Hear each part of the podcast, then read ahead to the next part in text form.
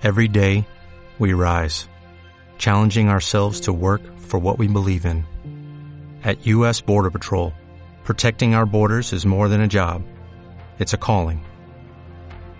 Agents answer the call, working together to keep our country and communities safe. If you're ready for a new mission, join U.S. Border Patrol and go beyond. Learn more at cbp.gov/careers. Bon dia, us parla Albert Aguilar. Benvinguts als butlletins informatius de la Marina FM. La Marina FM. Serveis informatius.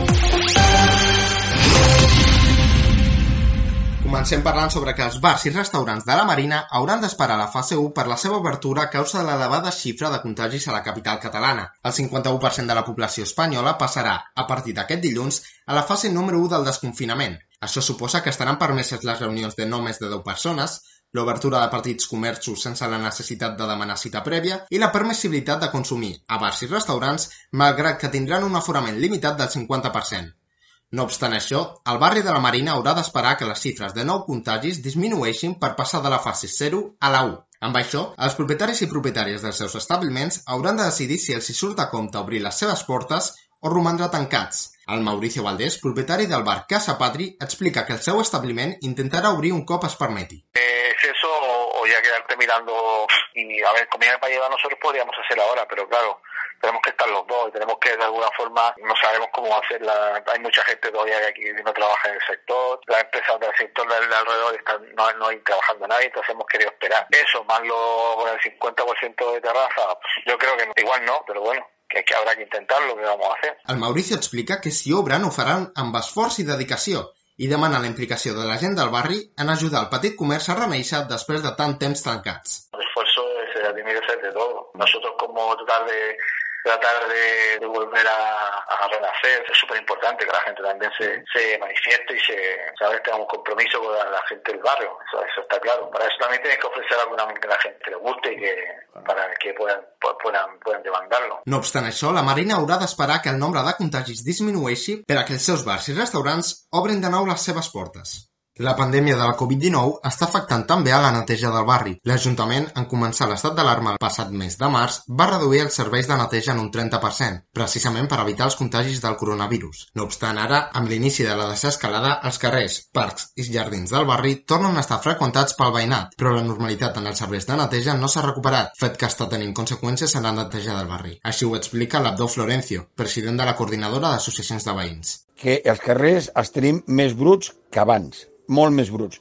I això que en teoria no n'hi ha tants veïns al carrer. Què ocorreix? Que els pocs, que, bueno, que ja no són tan pocs, des del moment que han aixecat una miqueta l'estat d'alarma. Els carrers estan més bruts, més ple de caques. Els parcs van tindre que demanar, van demanar que vinguessin a netejar-los perquè n'hi ha parcs que tenen les escales, tenen accés al parc, amb la qual els veïns feien ús del parc i no es netejava. O sigui que estaven fets un, realment un fàstic. Eh, hem tornat a demanar que s'incrementi la neteja, però continuem igual. I seguim parlant del coronavirus i és que el creixement de casos comença a frenar. El número de contagis al districte de Sants Montjuïc es manté poc per sobre del 1.700. A la Marina, els positius detectats segueixen per sota dels 400, on hi ha una xifra més elevada a la Marina del Prat Vermell. El darrer diumenge, Fernando Simón, director d'Emergències Sanitàries d'Espanya, va anunciar que segueix havent-hi menys casos nous que fa unas semanas. La evolución eh, sigue el camino, digamos, favorable que hemos observado en estos últimos días. Se han notificado 621 nuevos casos en las, eh, hasta ayer por la noche. Es un incremento del 0,28% y estamos también con una cifra de fallecidos menor de lo que veníamos observando también estos días, 143. Des que la pandèmia va arribar a Espanya, han mort més de 26.000 malalts i hi ha més de 224.000 persones contagiades. I atenció perquè els treballadors de Nissan alerten que les fàbriques a Catalunya poden estar a punt de tancar per sempre. Han llançat una petició a Change anomenada Futuro para Nissan ja, no al cierre. De moment ja ha recollit més de 8.000 signatures. Ara mateix la planta de la zona franca està en vaga indefinida, igual que la resta dels centres catalans. El debat ha arribat fins i tot al Congrés dels Diputats, on la diputada de la CUP, Mireia Vall, feia públic la setmana passada el seu suport a la vaga. Acabo saludando a los obreros catalanes de la Nissan, que están en huelga, sí, lo dijimos, A este estado de alarma le van a suceder las huelgas. Ya tienen la primera. Y decía el presidente, pedía usted responsabilidad a la ciudadanía. Pues bien, seguramente en esta situación la mayor responsabilidad que puede tener la ciudadanía es luchar por sus derechos. Moltes gràcies i visca la lluita. La setmana passada, la planta de la zona franca tornava a l'activitat després que l'empresa acomiadés temporalment els superaris de les fàbriques per la crisi del virus, però ho va fer amb només una línia de producció en marxa a causa de la vaga. Finalment, també s'ha hagut de paralitzar perquè no arribaven els subministraments de la planta de Montcada, on els sindicats asseguren que el seguiment és del 100%. Nissan i ha reaccionat activant un segon ERTE. Els sindicats ho consideren una vulneració del dret a la vaga.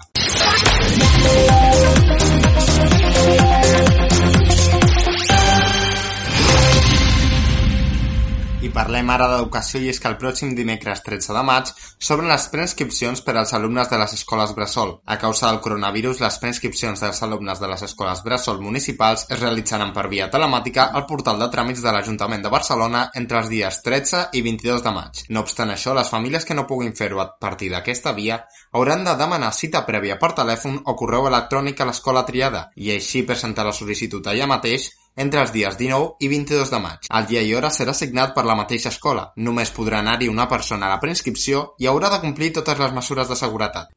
Seguim amb la ronda de contacte amb els consellers de la Marina. Avui és el torn de Pepe Pérez Calvo, d'Esquerra Republicana de Catalunya, el qual ens comenta com va anar el plenari telemàtic del passat dijous. Quasi cinc mesos sense poder exercir el control necessari i donar impuls a l'acció del govern de districte, estem relativament satisfets del plenari de dijous 7 de maig.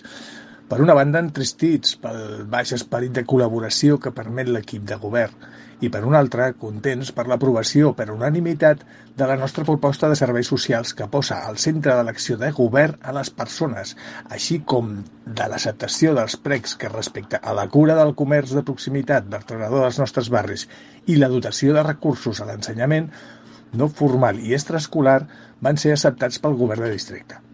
Farem seguiment del seu compliment, començant, per exemple, per l'apertura del Centre Cívic Pepita Casanelles amb atenció ordenada i urgent a les treballadores socials i continuant per l'estructuració de les activitats extraescolars i formatives d'infants i jovent que els propers mesos tan necessàries seran per les famílies.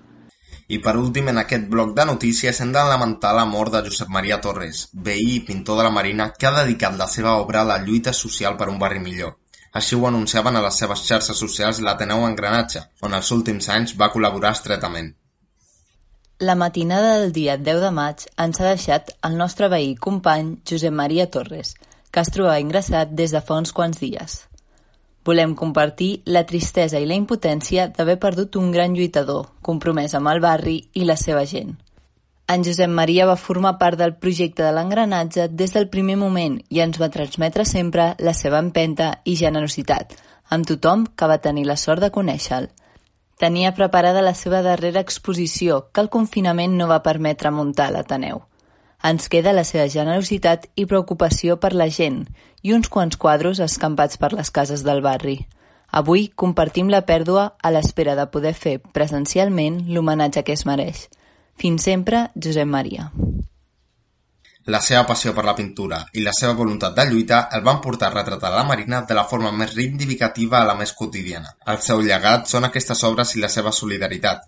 Mentre, pendents de poder fer un comiat digne, els veïns expressen el seu condol a les xarxes. Els esports. Passem ara a la secció d'esports i és que s'obren 5 parcs i jardins del cim de Montjuïc. Els jardins en qüestió són els jardins de Mossèn Cinto Verdaguer, els jardins del Teatre Grec al Poble Sec, els jardins de l'Aival, els jardins d'aclimatació de Montjuïc, els jardins de Joan Brossa i els jardins de Joan Maragall, també a Montjuïc. Tots ells es van obrir el darrer divendres i beneficiaran el passeig i la pràctica esportiva durant els dies previs a la fase 1 de desescalada. És important destacar que romandran oberts al públic de totes les edats, però només se'n permetrà l'accés als caps de setmana. I segur que aquests dies tancats a casa molts de vosaltres també teniu alguna cosa a compartir. Històries del vostre confinament, acudits, contes, cançons, peces creatives o tot allò que tingueu ganes de compartir. Si voleu que matem la vostra notícia positiva del dia a la ràdio, envieu un àudio de WhatsApp al 650 699 476. Àudios breus, si us plau, de màxim un minut. I fins aquí les notícies. Seguim connectats a la marina.cat a Facebook i a Twitter. Ens hi trobareu amb el nom lamarina.cat. Gràcies un cop més per escoltar-nos i fins ben aviat. La Marina FM. Serveis informatius.